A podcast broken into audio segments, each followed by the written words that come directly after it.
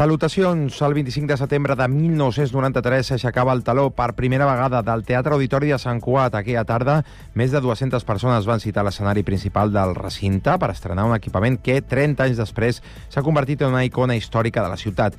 Aquest dilluns, el Teatre Auditori fa anys i per celebrar-ho, Cugat Mèdia ha organitzat una tertúlia especial amb personalitats històriques del passat, present i futur del que és, des de fa dècades, un dels epicentres culturals de Sant Cuat. Amb una història que ja és als llibres, però també amb molts reptes de futur per potenciar, sobretot, el talent emergent local. La plec de la Sardana ha celebrat aquest diumenge la 48a trobada a Sant Cuat, enguany sota la circumstància que la ciutat és capital de la Sardana. Desenes de persones han ballat el ritme que han dictat les cobles a la plaça Octavià, en una trobada que des del matí ha traslladat a peu de carrer la passió per aquesta dansa tradicional catalana. A la plec hi han participat les cobles Sant Jordi, ciutat de Barcelona, la Juvenívola de Sabadell, la Mediterrània i la principal del Llobregat. Moment d'escoltar la presidenta de l'entitat sardanista, Elvira anglès. És el més gros dels grossos, perquè sumen coses i llavors una cosa sobre una altra doncs és, és molt, eh? Ha vingut molta gent al matí, bastanta gent a la tarda i encara vindrà més gent. Més notícies. El rector de la parròquia de Sant Pere d'Octavià, Emili Marlès, ha practicat alguns exorcismes des que treballa a Sant Cuat. Ho ha explicat aquest dissabte el marc del Festival de Cinema de Terror Sant Cuat Fantàstic, que a motiu del 50è aniversari de l'estrena de l'exorcista dedica la programació a aquests fenòmens. Un exorcisme no deixa de ser un moment en què Déu aconsegueix la victòria contra el mal. Ha apuntat el mossèn, tot recordant que sovint el dimoni es creu superior, però sempre acaba derrotat per la força del bé celestial. I en esports, el primer equip femení del júnior ha superat 3-0 al Sant C, Complutense en la segona jornada de la Lliga Iberdrola d'hoquei herba. Les bloinegres estan més sòlides en el joc i gràcies a l'encert en els dos penals corners s'ha endut la segona victòria de la temporada. I per contra, derrota del primer equip de l'handbol Sant Cugat 20 a 23 davant l'handbol Sant Vicenç a la jornada 2 del grup D de Primera Nacional que s'ha disputat al PAF 3. Els vermells i negres sempre han anat a remolc en el marcador i han patit moltes pèrdues de pilota en ataques de Dani Arillo. Arillo, volíem dir, sumen un empat i una desfeta després de dues jornades de competició. El proper partit el disputaran a la pista el Sant Quirze, equip que acaba baixa de plata i que suma el plet de triomfs després de dues jornades de competició. Fins aquí, la informació ens podeu seguir al Twitter, al Facebook, òbviament, a quap.cat i als diferents butlletins horaris. Cugat Mèdia, la informació de referència a Sant Cugat.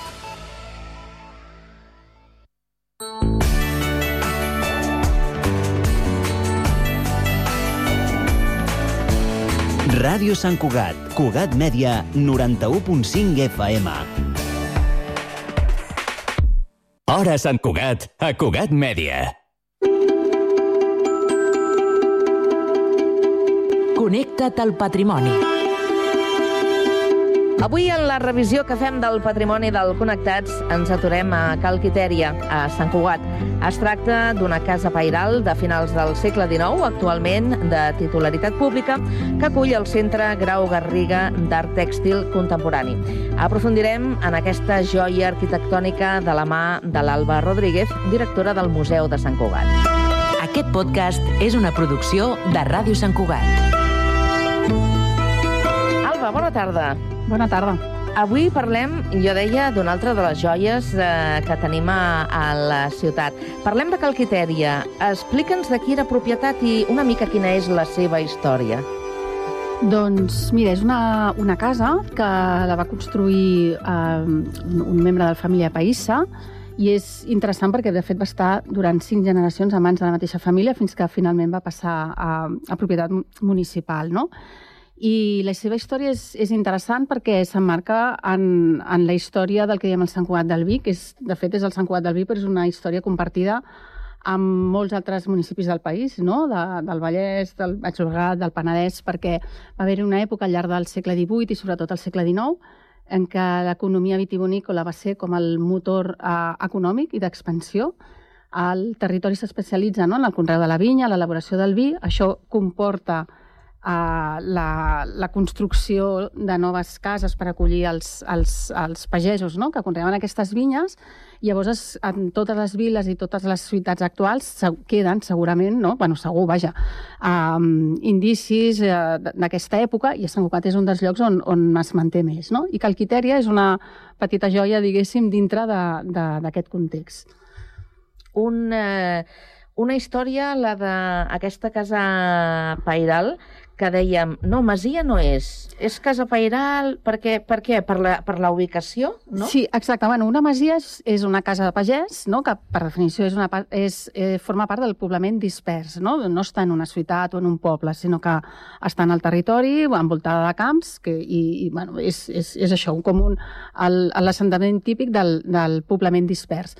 I que el Quiteri és una casa urbana que quan es construeix forma part d'una renglera de cases eh, dintre d'una urbanització d'aquest període, no? de finals del, del segle XIX, que, bueno, que s'emmarca en aquest context que comentava no? de, de creixement eh, econòmic i creixement urbanístic. No? És un moment una mica que li diem la febre d'or del vi, un moment d'eufòria, no? de, perquè és un moment de bonança econòmica, els pagesos s'enriqueixen no? amb la producció del vi, coincideix amb el moment en què eh, hi ha la filoxera a França, que França era com el, el principal competidor de, de, de l'elaboració del vi, eh, llavors com que passa la filoxera es queden sense produir i tots els altres eh, veïns, eh, aprofiten l'ocasió. Exacte, aprofiten l'ocasió i és, el, és aquesta eufòria no? que, que venen vi a, a gran quantitat i s'enriqueixen i això deixa empremta en, en els pobles perquè bueno, s'amplien, fan cases eh, amb millors condicions molt millors senyorials, estàndards. no? De grans dimensions, perquè Bueno,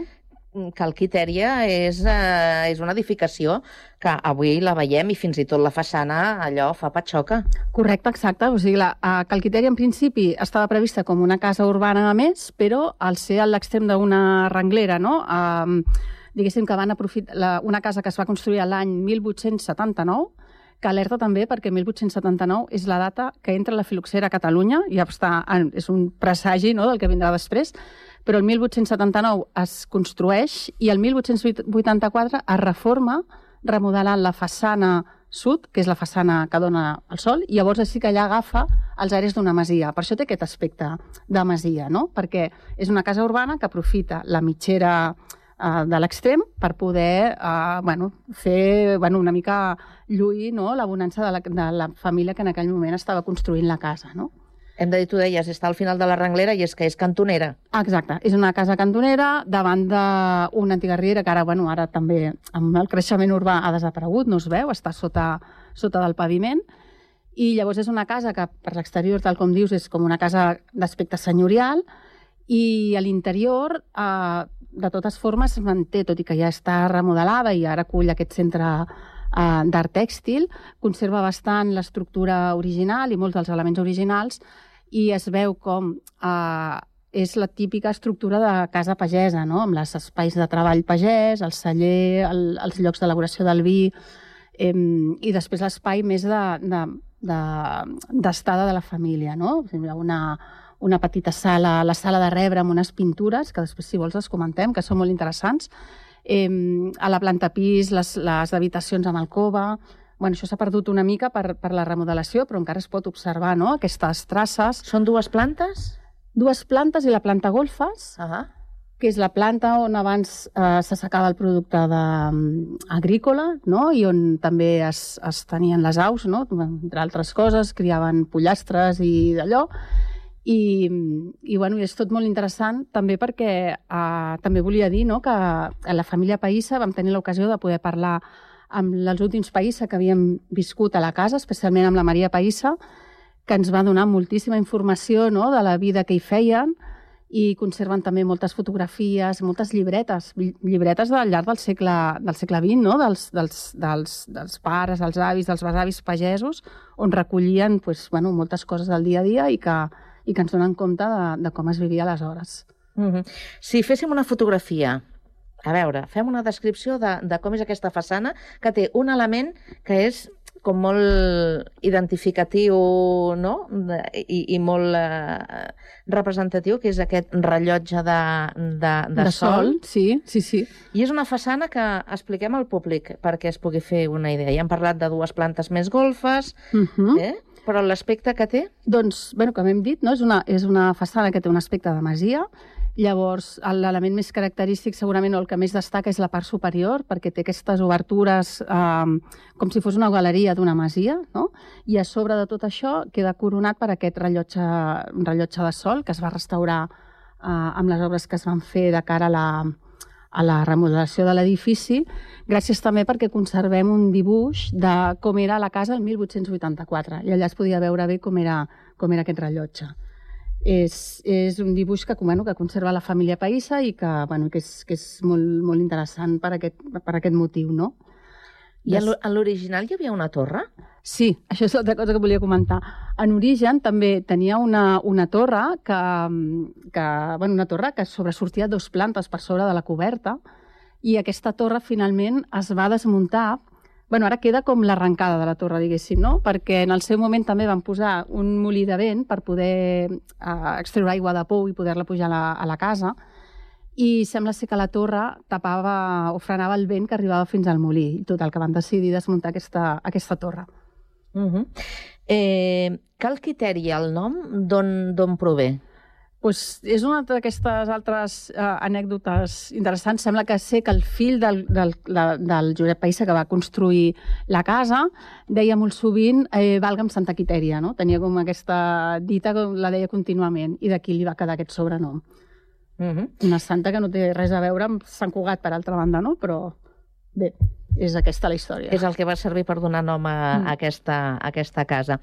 Eh, per cert, eh, em sembla que també en, en la seva construcció hi ha un eh, element que té eh, a veure amb els guarniments, no? Que, que es feien a, mm, el que avui coneixem com a Cal Gerrer, no? Sí. Aquesta terrisseria. Sí, sí, correcte. També en, en aquest moment, no? en aquest període, també era molt comú um, engalanar, diguéssim, els edificis amb, uns, amb els elements uh, ceràmics, de, de terrissa més aviat, no? de terrissa. Uh, es, col es col·locaven balustres, pinyes, eh, gerros, bueno, tot això coronant els edificis. I és molt típic, bueno, la Calquiteria ho té, i hi ha molts altres edificis a Sant Cugat i i de molts altres municipis que ho tenen i gairebé cada ciutat, o ca, bueno, cada poble, diguéssim, tenia el seu productor no?, d'aquest tipus de, de terrissa, i aquí a Sant Cugat era Cal Gerrer, no? la, la terrisseria Arpí, que també és un element del patrimoni local, també es pot visitar perquè té un museu que explica precisament tot el procés de producció i que produïen no només aquests elements eh, de terrissa per ornamentar les façanes, sinó que també produïen els, les rajoles de cub amb la que es folraven els cubs dels, dels cellers per fer el vi. Vull dir que tot, anava, tot, estava, tot estava lligat. I és un altre dels elements interessants de, de Calquitèria, no? que conserva el celler amb els cubs, va perdre la premsa, però es conserva la, la base, i dintre dels cubs, eh, que estan enrajolats, no? amb aquesta terrissa vidriada que se necessitava per, per, per fer el vi en bones condicions, hi ha un parell de rajoles que tenen unes grafitades unes cares i posa el nom també de la família Arpí, que són els que ho van produir. El segell de... La, la, la firma de l'artista. Exacte, això, sí. I també és, bueno, és una cosa molt curiosa de, de veure. Hem parlat de la curiositat del nom. Sí, I també hauríem de parlar, potser, de la curiositat, llegenda o no, del xiprer que encara es manté a, a l'entrada de, o a la façana de, de Calquitèria, no? sí clar, que el Quitèria eh, tenia un, una gran peça d'hort, no?, que estava entre la casa i la riera, de, que estava al davant, que, bueno, va, bueno, fins fa potser uns, no sé, 15, 20 anys encara existia. Eh, amb la remodelació de tot aquell carrer això va desaparèixer i, i d'entre els diversos arbres que hi havia en aquest hort hi havia un gran xiprer que, que es va voler conservar. No? Va haver-hi una certa pressió perquè aquest xiprer eh, no, no, es, no es perdés. No? Era un arbre de gran magnitud, un gran arbre, i es va traslladar per poder-lo preservar. I ara doncs, bueno, està alçat just a davant, a davant de la casa. Uh -huh. I arribem a, a l'actualitat. Hem parlat una mica de, de la història, de l'origen d'aquesta casa pairal i en els nostres dies eh, Cal Quitèria és eh, sinònim de, de, de, de, de centre mu- museístic eh, dedicat a, a l'art tèxtil. És el Centre Grau Garriga d'Art Tèxtil eh, Contemporani, que s'obre a partir del març del 2019. Correcte, sí, sí. Eh, què s'hi pot eh, trobar quan el visitant? Perquè imagino que hi ha les exposicions que són eh, eh, puntuals, però quin és, diríem, l'objectiu d'aquest centre? Doncs ah, l'objectiu, de, bueno, el centre és el Centre Grau Garriga d'Art Tèxtil. Ja sabeu que bueno, Grau Garriga és, és un, una, bueno, una de les principals figures del, del tèxtil, de l'art tèxtil contemporani i que era nascut a, a Sant Cugat, de fet bastant a prop, no? d'una casa bastant propera a Calquitèria, Mm. i molt arrelat, a més a més, a, a la vida pagesa local, de família pagesa, i part de la seva obra s'inspira no? també en el, en el món pagès que va viure. Llavors, en certa manera, pues, tanca una mica aquest cercle no? de vincular pues, la figura de Grau Garriga amb, els, amb aquests orígens pagesos. No? I bueno, es pot veure, hi ha unes, unes exposicions eh, eh, temporals, eh, sempre hi ha gent en l'entorn del món del tèxtil i bueno, podeu consultar a través de la seva web i dels seus gestors no? tot, el que, tot el que aquest espai ofereix. Doncs avui hem fet eh, un passeig. Eh, us convidem a tots, si teniu curiositat, eh, per descobrir doncs, eh, el que avui hem intentat eh, dibuixar eh, aquesta joia de, de l'arquitectura santcugatenca i de, i de la història del municipi, Cal Quitèria, aquesta casa pagesa, que avui hem repassat amb l'Alba Rodríguez, la directora del Museu de Sant Cugat. Alba, moltíssimes gràcies. A vosaltres. Recupera aquest podcast a la xarxa Més i a la web de la teva emissora local.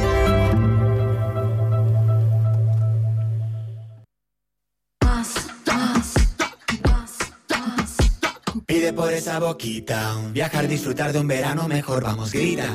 Que lo que se da no se quita. Tot el que li demanes a l'estiu, demana-li al nostre assessor i aconsegueix fins a 500 euros en un cupó regal del Corte Inglés i molt més. Consulta les condicions. Viatges al Corte Inglés. Estrenem l'APP del Picalletres. Paraules i jocs lingüístics per a tothom. Descarregueu-vos l'APP a Google Play o a l'App Store i comenceu a jugar.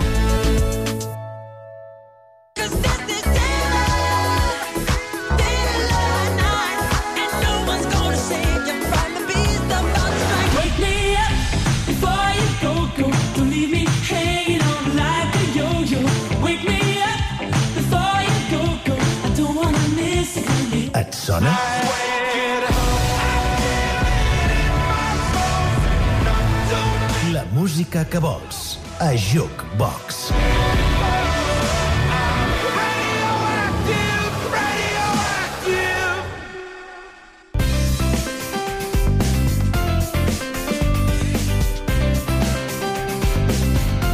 Ràdio Sant Cugat, 91.5 FM.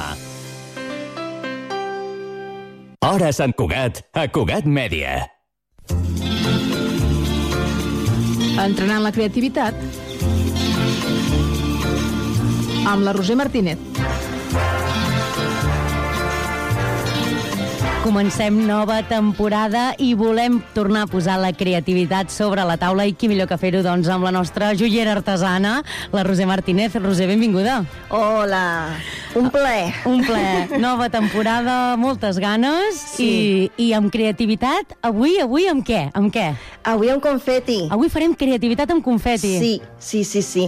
Mira, ja només dic que el confeti simbolitza alegria, bons desitjos, tot és positiu. Perquè mira, imagina't una cosa. A Ara veure. imagina't que tens confeti a les mans. Oh. I l'has de tirar en l'aire, has d'aixecar els braços, tires en l'aire, i ja, com veus caure tota aquesta pluja de paperets, De què fas? colors. Ja somrius, no? Oh, sí. T'imagines tirar el confeti sèrie? A que no es pot? No, això ho fas amb, no sèrie, amb, amb cara de pilleu, eh? amb, amb cara allò de ai que, ai que, i agafes graf de confeti i te'l tiro jo a tu, això sí. Però... Ah, però això és una batalla, eh? Això és una batalla. Sí, sí. Doncs mira... Uh... Ja comencem amb energia positiva. Comencem amb energia, sí, sí, perquè el confeti és això, és pura alegria. I de fet tot bé perquè és tirar coses en l'aire, que Mhm. és també el que et dona alegria, no? Però quan ho fas amb aquest sentiment, no la batalla, el sentiment de bon desig, Sí. eh?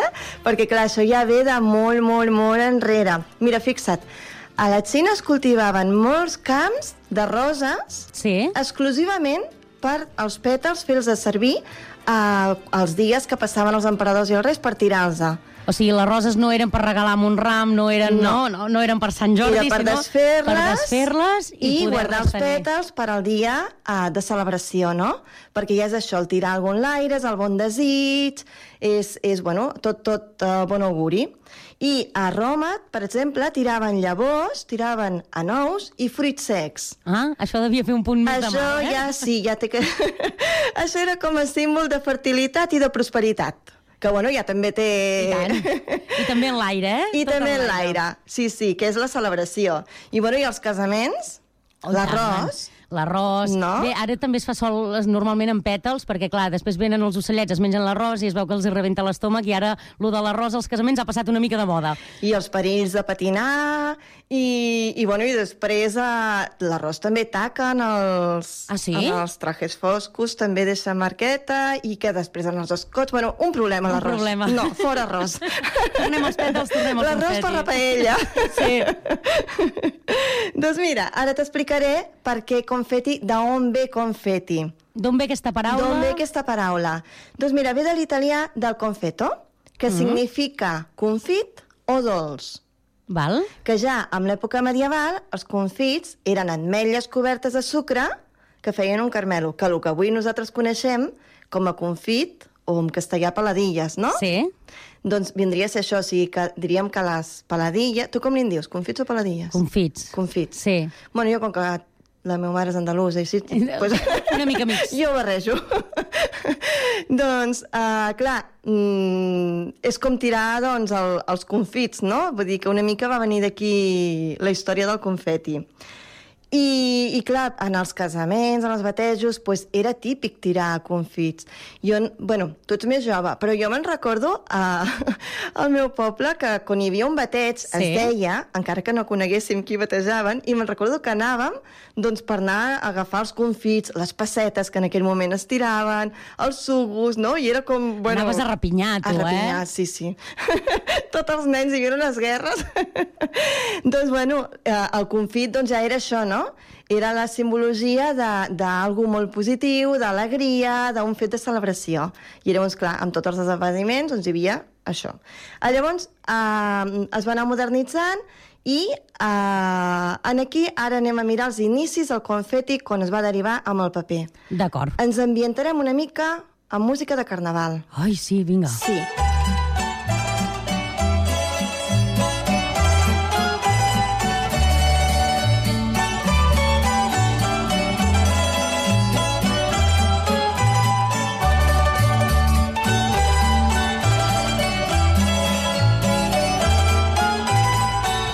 Ben ambientades, Roser. doncs mira, tot va començar. El senyor Enrico Mangili mm? és un senyor que vivia a Milà i tenia molta afició a tenir cucs de seda. Cucs en de seda. Cucs de seda. Sí? I en el fons de les caixes del cuc de seda es veu que en tenia molts i molts i molts. Doncs ell hi posava paper de seda de color blanc, tot trossejat per fer el llitet. I aquest home en devia tenir molt, Sí, molt ja però molt en devia tenir, perquè va coincidir que eren a les dates del Carnaval i des del seu balcó ell va veure la, el Carnaval i se li va ocórrer agafar tots els paperets de seda dels cucs i No- no tirar-los. els cucs, eh? No. Els cucs no els va tirar, eh? Bueno, això no ho he llegit, eh? no ho he trobat enlloc, però jo crec que no. Però els paperets, que, la seda que fan els cucs, sí, no? Sí, i llavors ho va tirar tot des del balcó i allò va crear doncs, aquella pluja que tothom que era baix va sorprendre, va trobar que era molt bonic, però clar, en devia tenir uns quants, perquè això en poca cosa no es veu. No, no, queda, Sí. quedaria molt desapercebut, Aquest no? home tenia molts de cucs, eh? I així va néixer. I així va néixer el confeti a Itàlia de color blanc. Val. Van ser els pioners amb color blanc. I llavors, a partir d'aquí, ja, a cada carnaval i a cada celebració, ja feien la pluja d'aquests paperets, no?, que ja li van començar a dir confeti. I què va passar aquí? Doncs que França no es va voler quedar enrere. Home, home. I en aquí, a, a París, el que van fer un pas més amb el confeti i van crear el confeti de colors. Bé, aquí, aquí agafem aquesta màgia de colors que, que Sí. nosaltres relacionem amb el confeti, eh? Sí, ja el que o sigui, tenim- Això van ser els francesos. Sí, ah, sí, sí. Amb color va ser... O sigui, el primer va ser italià i el que va anar evolucionant va ser el francès. I llavors això va ser també en els carnavals, es va posar a moda i amb totes les, celebra les celebracions i en els grans bulevards de París sí. Uh, quan feien les festes, ja el confeti ja era sempre. Però és que van inventar les batalles de confeti. Ah, aquí, els, que- aquests són els que m'agraden a mi, Aquesta, eh? aquesta. Doncs sí, i te venien el confeti a quilos, o sigui, a pes, i o te venien amb uns gots que ja era un format i tu anaves emplenar el, gos, el got i pagaves doncs, per la quantitat de- d'aquest got i vinga, i a fer la guerra, a fer la batalla de confeti, no? Algú n'hi devia anar amb l'olla directament, no? Allà, tu omple-me-la, no? Que, Sí. que comencem la batalla. Sí, sí. doncs mira, i ja tot això ja va anar evolucionant Mm. I, clar, tant en formes, com en colors, com en material, perquè confeti ara, avui en dia, hi ha, Hi ha de, de tot, tot. tipus. I tant, hi ha el petit, el, aquelles rodones supergrosses, eh? Que Sí. Hem de dir que el confeti és una mica com la sorra de platja, que un cop entra en un cotxe o en una casa no hi ha manera que el treguis del tot, eh? Per tant, el confeti gros també ens agrada. Sí, sí, sí. I també a com tirar-lo també ha- Mm. s'ha evolucionat molt, perquè tant, hi ha uns canons... els canons allà. Sí, vull dir, hi ha moltes maneres que, clar, tot això, bueno, aquí la creativitat, el poder de cada persona que ha anat afegint el seu, el seu granet, no? Doncs mira, um, a veure, on més no pot faltar un confeti? En la puerta del sol, como el año que fue, otra vez el champán y las uvas y el alquitrán de alfombra están. Un any más de Mecano, entenc que estem parlant de cap d'any? Sí. Cap d'any, home. Clar, nosaltres dues engalanades. Home. Ja ens hem menjat el raïm. Ben hem guapes. fet el brindis a cava. I què ens falta? El confeti. El confeti. Perquè, clar, el confeti és bona sort. I tant. Doncs ens tirem el confeti per sobre i ja tenim un any ple de bona sort. Clar, és que ara ho estava pensant, tampoc són tants, tants, tants els llocs on tires confeti al llarg de l'any, sí que és típic potser en festes majors, no? Però clar, cap d'any és, és mític el confeti també. Sí, sí, sí, però, vaja, qualsevol celebració. Però ara ve la part negativa, que és el que tu deies abans. Quina? Clar, el confeti tot és molt bon rotllo. Tot és per celebrar tot molt bé. Però és que després s'ha de netejar. Sí, i clar. i clar, ja no és confeti només, és confeti xafat, refeixat amb, amb, amb líquids per sobre. Sí. és una mica complicat, eh, això. de- Ja és el, que una- li, el que li toca netejar la nit de cap d'any és un altre tema, eh? És una pasta de confeti. Sí. Aquesta seria la part negativa del confeti, però bueno, ens hem de quedar amb tot lo divertit que és tirar-lo, I no? tant, clar que sí.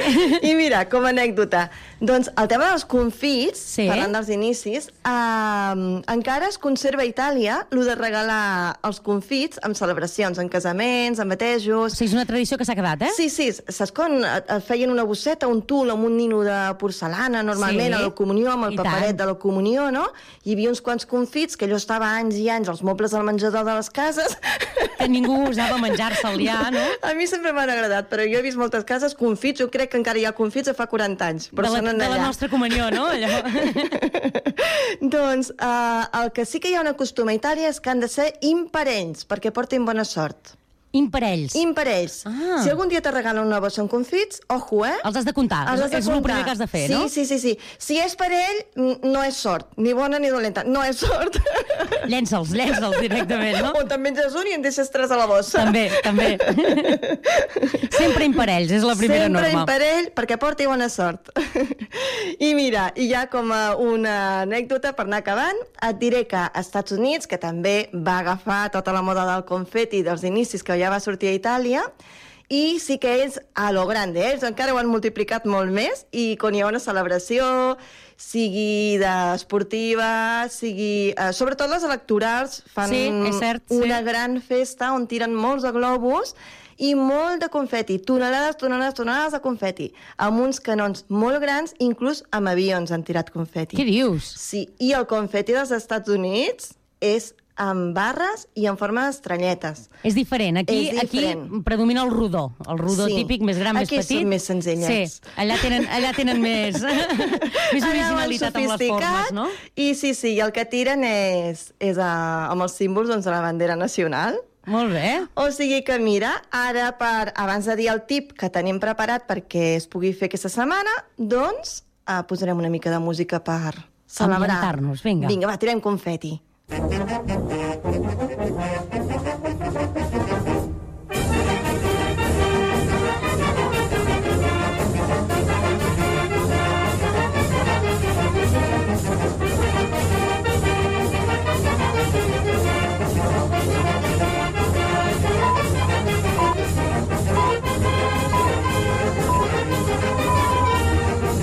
sento molt en una marxa, eh? Que aquí. sí? Com de Malloret, no? Sí, una mica... Ai, sí, Amb el- amb el pal allà, eh? molt bé. Doncs, preparats per al tip creatiu, expliquem-li a la nostra audiència què són els teus tips creatius, què, què ens Doncs mira, proposes i què ens cada- proposaràs cada setmana. Doncs sí, uh, relacionat amb la temàtica que parlem, eh, llavors fem un tip creatiu, un exercici, que el que fa és activar tot el pensament creatiu per anar despertant doncs, aquest superpoder que tothom tenim, no? I jo m'he proposat despertar aquest superpoder a la gent que el té una mica dormit. A veure, explica'ns això. Tothom és creatiu? Tothom. Perquè hi ha molta gent que diu, ui, no, jo és que creatiu no ho sóc. Això és mentida, Roser? Mentida, mentida, mentida. A veure, explica'ns una mica això. Tots naixem amb el do de la creativitat. El que passa que si l'actives, doncs lògicament és, és un múscul, no? És com anar al gimnàs i fer exercici Sí. a, al cos, doncs la ment és el mateix. La ment necessita contínuament eh, inputs, exercicis, sortir de la zona de confort, fer coses noves i l'actives. I això fa doncs, que sempre puguis veure una... Tens una visió diferent de tot plegat, És no? que quan som petits i petites, està clar, tots som creatius, I no? tant. Tots pintem, creem castells amb sorra, amb qualsevol eh, material que trobem, i arriba un punt a la nostra vida que aquesta creativitat, no sé quan és, però se'ns para una mica, no, Roser? Bueno, clar, ja la que comencem a tenir consciència i responsabilitats, ens centrem més en, en el dia a dia, amb les rutines, de, depèn de cada, del tipus de vida que té cada persona, doncs clar, ja vas cap a una banda, vas cap a una altra. Ens i... automatitzem, eh? Totalment. Igual que els nens petits, que poder no desenvolupen tant, són nens perquè eh, poder estan eh, molt amb unes pautes que no els deixen Va, crear, que no? també l'entorn influeix moltíssim, no? Molt, in, influeix moltíssim l'entorn. Clar, a mi em diuen, i tu com és que ets tan creativa? Jo és que, clar, jo cada dia faig exercicis per ser creativa, jo em dedico a això, per tant, eh, el meu és un continu d'inputs, no? I sóc molt curiosa de mena, clar, la curiositat. I tant. La imaginació és la Però això gasolina. fa que la, la vida sigui divertida i interessant, Ai, sí. eh que sí? Sí, sí. Perquè Quals- la rutina i monotonia ens fa una mica de mal a tots, eh? Clar, qualsevol cosa et fa gràcia, saps? Ai, mira això. I què podria fer amb això?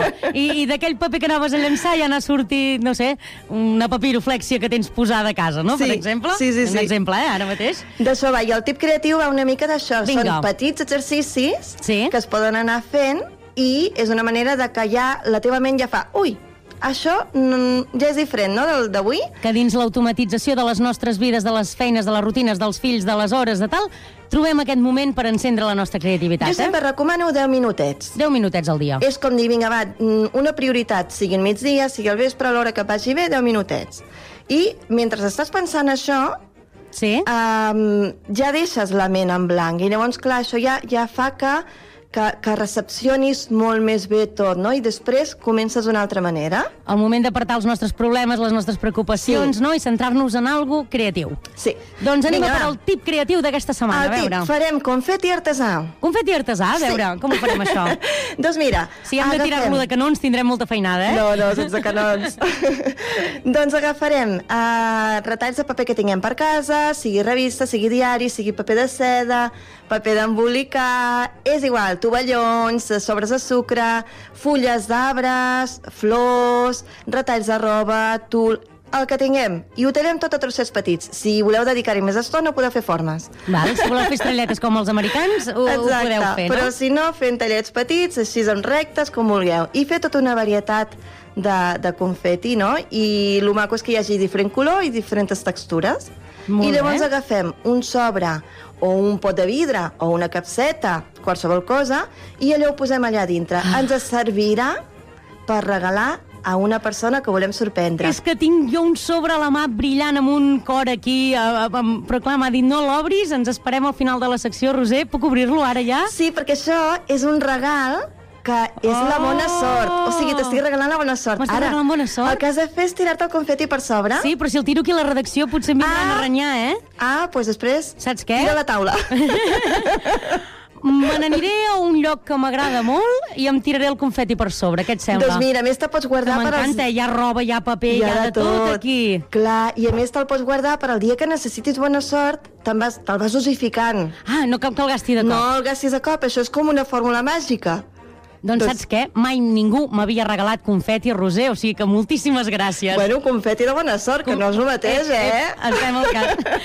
doncs ha estat meravellós, uh, Roser, uh, aquest primer programa d'aquest Entrenant la Creativitat i setmana a setmana entrenarem juntes aquesta creativitat i a veure doncs, si despertem també a tota aquesta humanitat adulta que ha deixat la creativitat una mica enrere. Què et sembla? Em sembla genial. Moltíssimes gràcies. Gràcies. Vinga, acabem de posar-hi música. Vinga, va.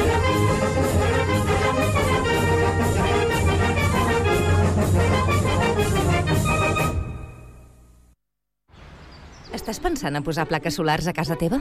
Doncs passa't a l'energia solar de manera fàcil i segura amb la Teulada, experts en energia solar i el nou espai d'assessorament per a la ciutadania i les empreses. Informa't a la teulada.amb.cat o contacta'ns per WhatsApp al 645 725 465. La Teulada és un servei de l'AMB finançat amb el Fons Europeu de Desenvolupament Regional. AMB, Metròpolis de Barcelona. No és el mateix ser els integrants del millor grup de la història que ser el millor grup de la història. Per això, el grup català Occident serem Occident, perquè per continuar assegurant-ho tot, tot i tot, ens havíem d'ajuntar tots, tots i tots. Entra a seremoccident.cat. Música a Ràdio Sant Cugat.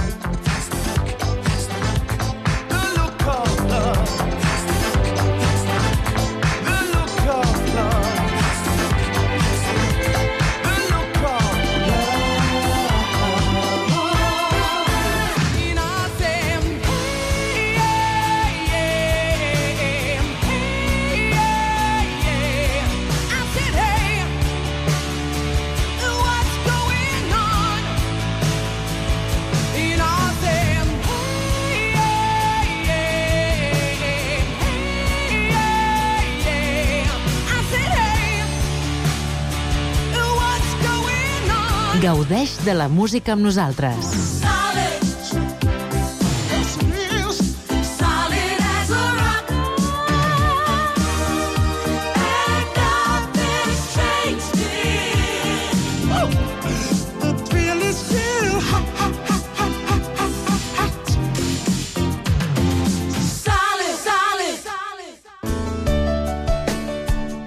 Ràdio Sant Cugat. www.cugat.cat Hora Sant Cugat és un contenidor radiofònic de continguts santcugatencs. Continguts en xarxa.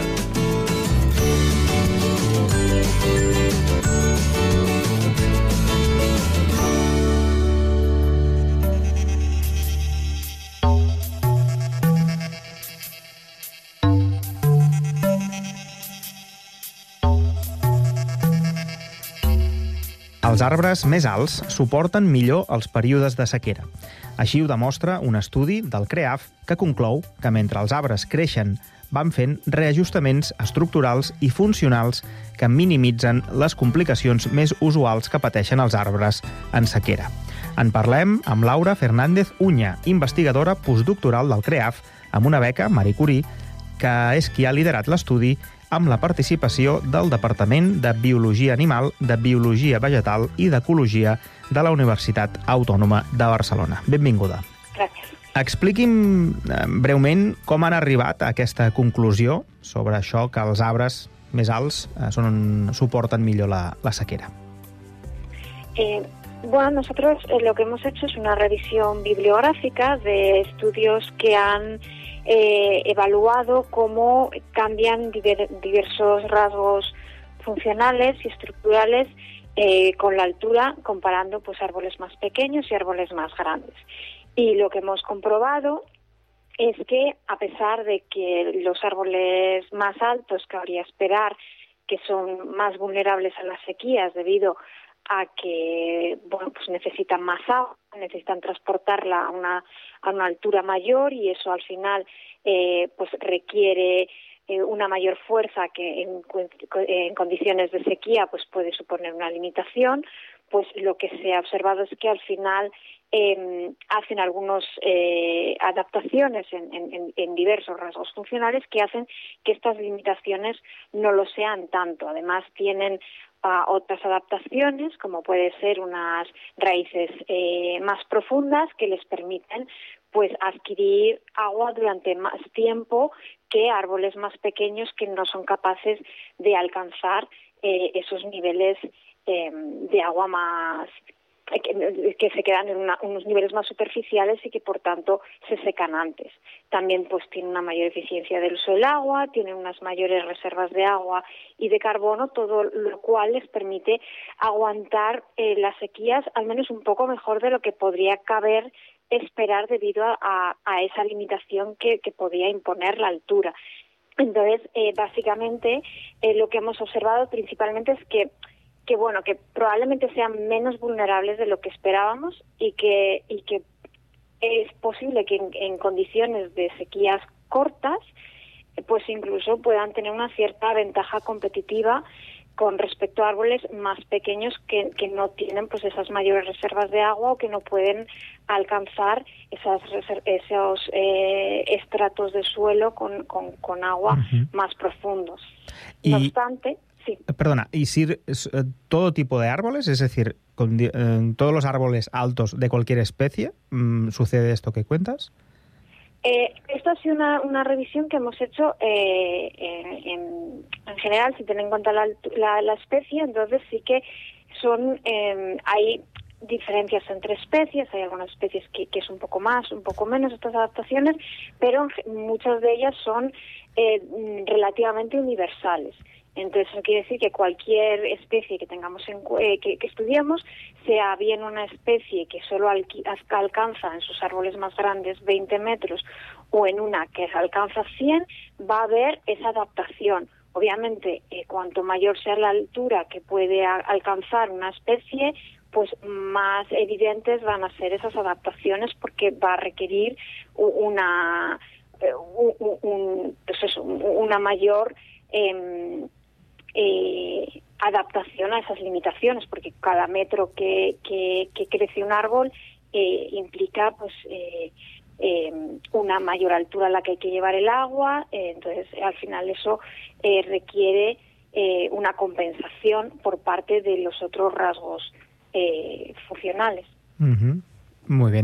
I estas, uh, aquestes conclusions um, les podeu fer servir, diríem, els investigadors per portar a la pràctica i fer algun tipus d'intervenció per ajudar doncs, els arbres més petits o per ajudar a, a, a intervenir diguem, i que millori el tema de la, de la sequera per, per poder fer boscos més resistents? Pues eh, so- sobre todo esto lo que indica es que necesitamos tener eh, bosques estructuralmente diversos.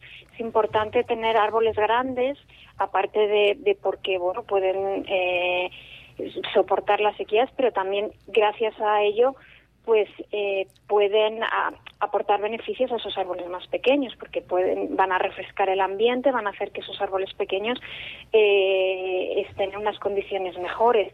Eh, entonces eh, lo que tenemos que intentar es eso tener bosques que sean lo más diversos posibles. Eh, aún así, hay que tener en cuenta que las limitaciones que yo mencionaba antes por, por esa altura, en, sequías de alta, de larga duración o sequías muy recurrentes van a empezar a ser un problema. Entonces, ahí es donde podemos ver una mayor mortalidad de árboles grandes, porque al final esas limitaciones, eh, las compensaciones que hemos observado, pues mm, dan van a dar hasta un cierto punto y a partir de un cierto punto ya no van a ser capaces de compensar las limitaciones asociadas a la altura y van a hacer que los árboles grandes sean más vulnerables. Por lo tanto, eh, es importante también tener eso en cuenta que y, intentar, pues por supuesto, tener esos bosques mm, lo más diversos posibles. Y hablando en otras ocasiones con otros expertos de, diríamos, de- del, sector, ¿no? De, sequía y, y de, y de organismos vivos, etcétera, nos comentaban de que el, que digamos, los bosques por sí solos ya se adaptan a todos los cambios, ¿no?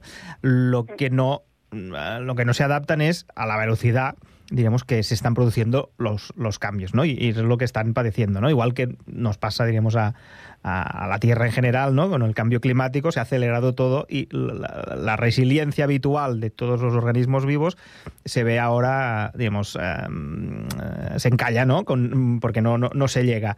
Ah, vuestro estudio demuestra esto, ¿no? Que eh, los árboles por sí solos son capaces de hacer reajustes en su organismo, ¿no? Para, para adaptarse al- al- a un entorno hostil para sobrevivir. Pero claro, si esto se alarga mucho, no, no, no, no se puede, ¿no?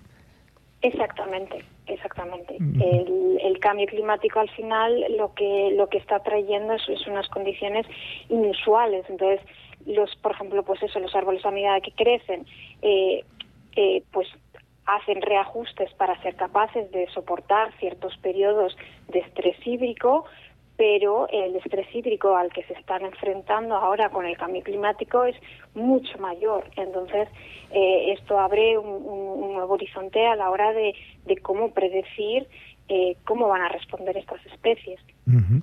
¿Y, y cuál es el futuro de los bosques mediterráneos, que son los que nos tocan más, más cercanos, con, con el cambio climático? Mm, en los estudios que se están ahora haciendo, ¿no? que estáis haciendo desde el CREAF o otros organismos, ¿qué, qué- qué- qué futuro auguráis? Pues, a ver, el futuro pues no es muy halagüeño. Eh, eh, está claro que lo que vamos a observar es, es unas mayores tasas de mortalidad, no solo por la sequía como tal, sino también por por eh, eh, un aumento de los efectos que puedan tener las plagas, que tenemos que tener en cuenta que, que lo- los árboles al final también eh, sufren enfermedades, sufren, plagas que se ven afectadas con el aumento de las temperaturas y eso hace que también pues pueda haber una mortalidad asociada a, estas plagas. Entonces está claro que, vamos a observar eh, mortalidad en los bosques mediterráneos y eso va a suponer en muchos casos, uno- uno- si no hay una regeneración que, que, que, mm, suplante esos árboles que mueran, pues vamos a ver en muchos casos eh, un, una- un reemplazo de especies. Entonces, eh, lo que se ve, lo que se espera es que, pues, a medida que progrese el cambio climático, pues eh, las especies mediterráneas irán subiendo hacia más al norte y en zonas donde a lo mejor ahora, pues eh, hay más bosque, pues a lo mejor empieza a haber más matorral, porque es lo único que se va a poder dar eh, dadas las condiciones climáticas. Muy bien. Pues nada, acabamos con un, po- un poquito de, de- de- de mal gusto de boca, pero es lo que hay y tenemos que ser realistas con lo que seguramente nos, nos viene. Doncs moltíssimes gràcies, Laura Fernández Uña, investigadora postdoctoral del CREAF, per explicar-nos el contingut del, del teu estudi. Moltes gràcies. Gracias a vosotros.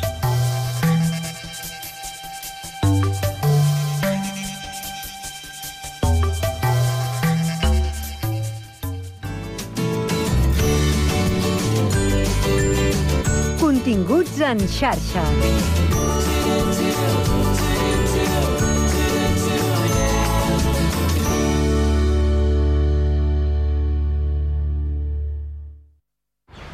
Estàs pensant a posar plaques solars a casa teva?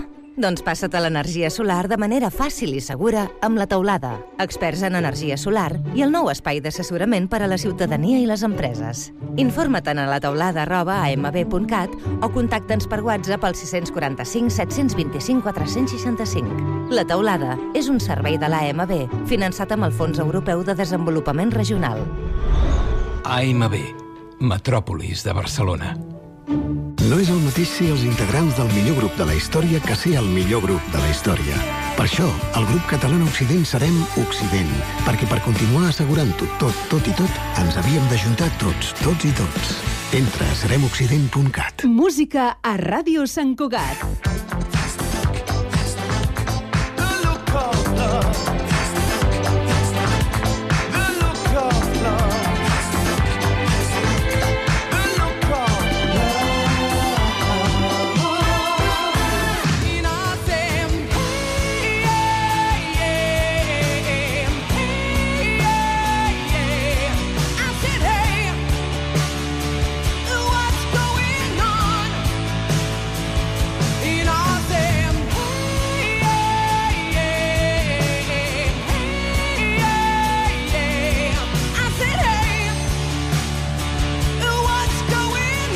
Gaudeix de la música amb nosaltres.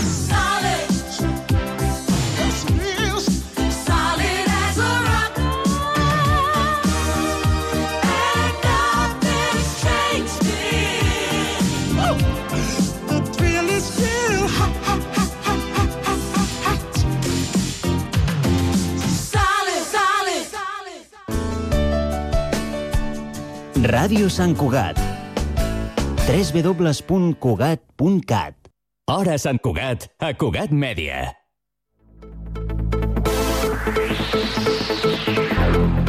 L'altre esport, amb Eli Jiménez. Reprenem una setmana més l'Altre Esport, el programa que us apropa als esports minoritaris de casa nostra. I avui, en aquest segon programa de la temporada, parlarem de curses contra el càncer al país, que en són moltes i molt disseminades pel territori. Catalunya és un territori tradicionalment molt solidari i també ho és en el món de l'esport, amb multitud de proves i esdeveniments amb múltiples finalitats solidàries. Una de les causes que més proves acull és la lluita contra el càncer. Justament avui ens endinsarem en les curses contra el càncer, que en són moltes. Només durant les properes setmanes en tindrem algunes com l'Oncotrail Costa Brava i Gavarres, els dies 7 i 8 d'octubre, el Lliga't a la Vida Trail, el 28 i 29 d'octubre a la província de Tarragona, també la cursa i caminada contra el càncer de Castellvell, que resseguirà la ruta del romànic Montserratí. Aquesta serà el 15 d'octubre. I també la cursa contra el càncer de Santa Coloma de Gramenet, que a falta de confirmació tot sembla indicar que serà el proper 22 d'octubre. Altres curses també molt destacades al territori en aquest àmbit són la Barcelona en marxa contra el càncer, la Tradein cursa Girona contra el càncer, la cursa de Corro contra el càncer de Sabadell o la Metres de Vida de Sant Cugat del Vallès.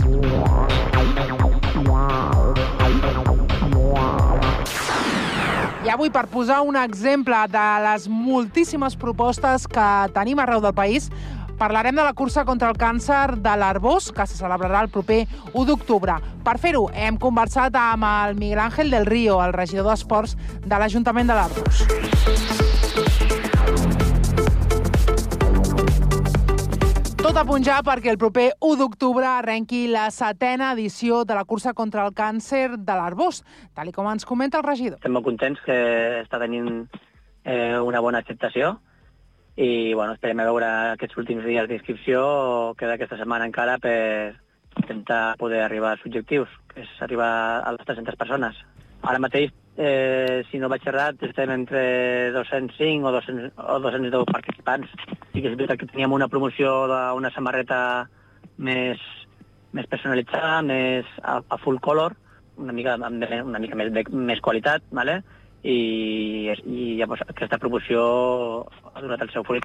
Una cursa que arriba de la mà de diferents modalitats, una marxa, una cursa competitiva i també curses infantils. Doncs mira, tenim la, la modalitat de marxa, que és la caminada de 5 quilòmetres, ¿vale?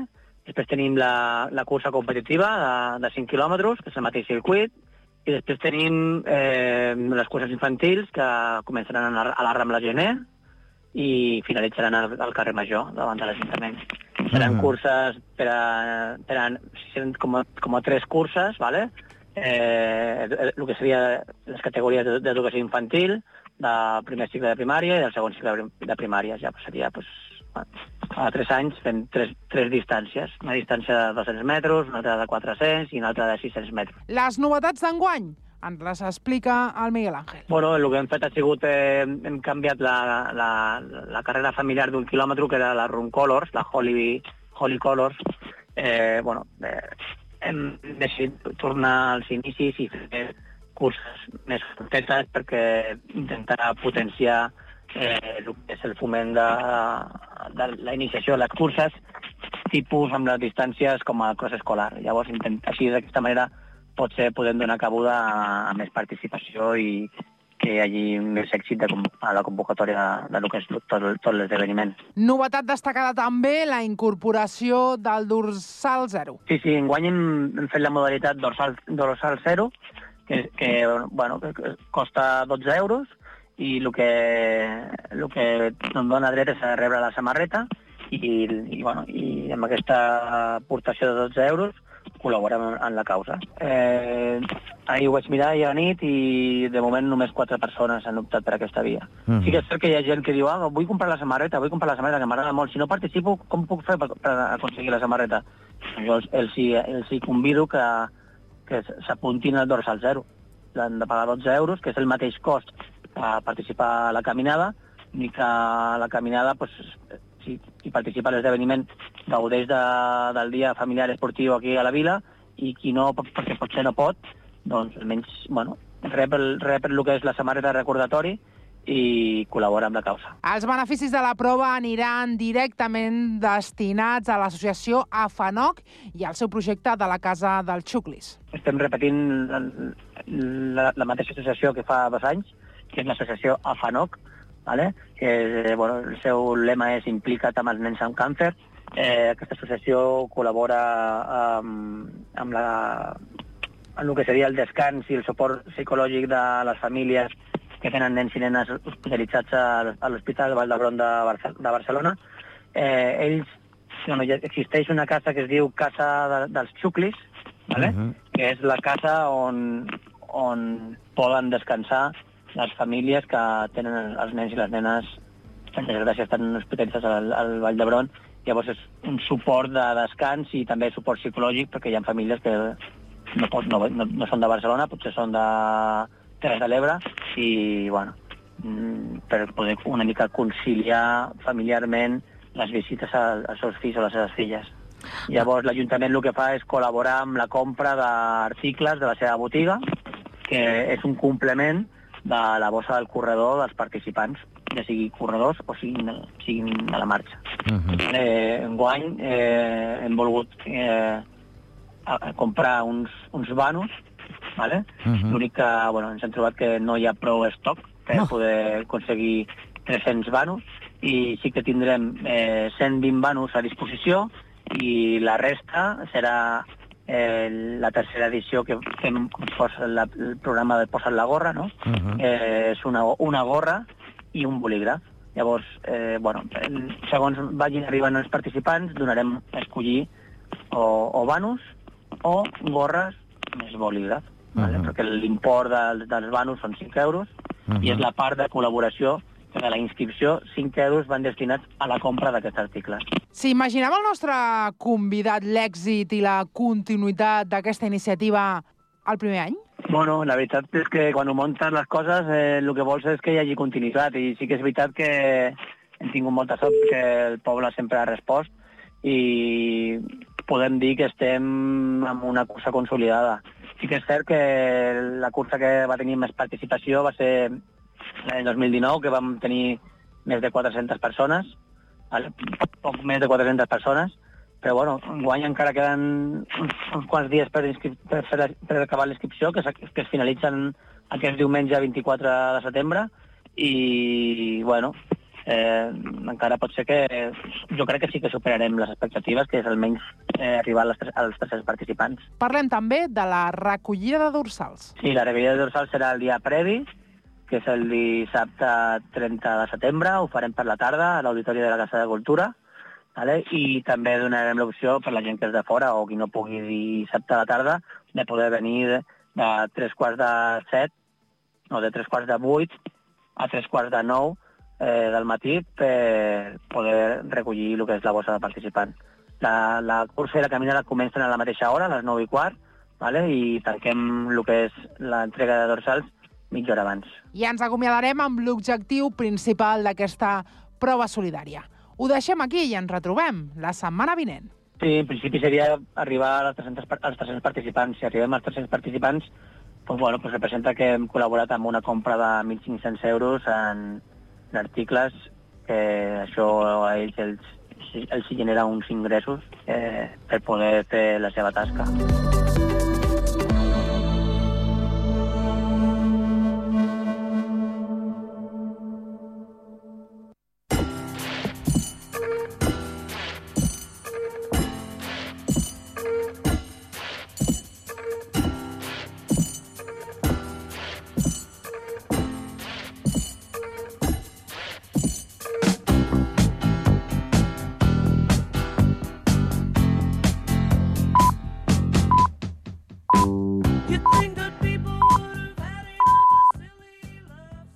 Hora Sant Cugat, a Cugat Mèdia.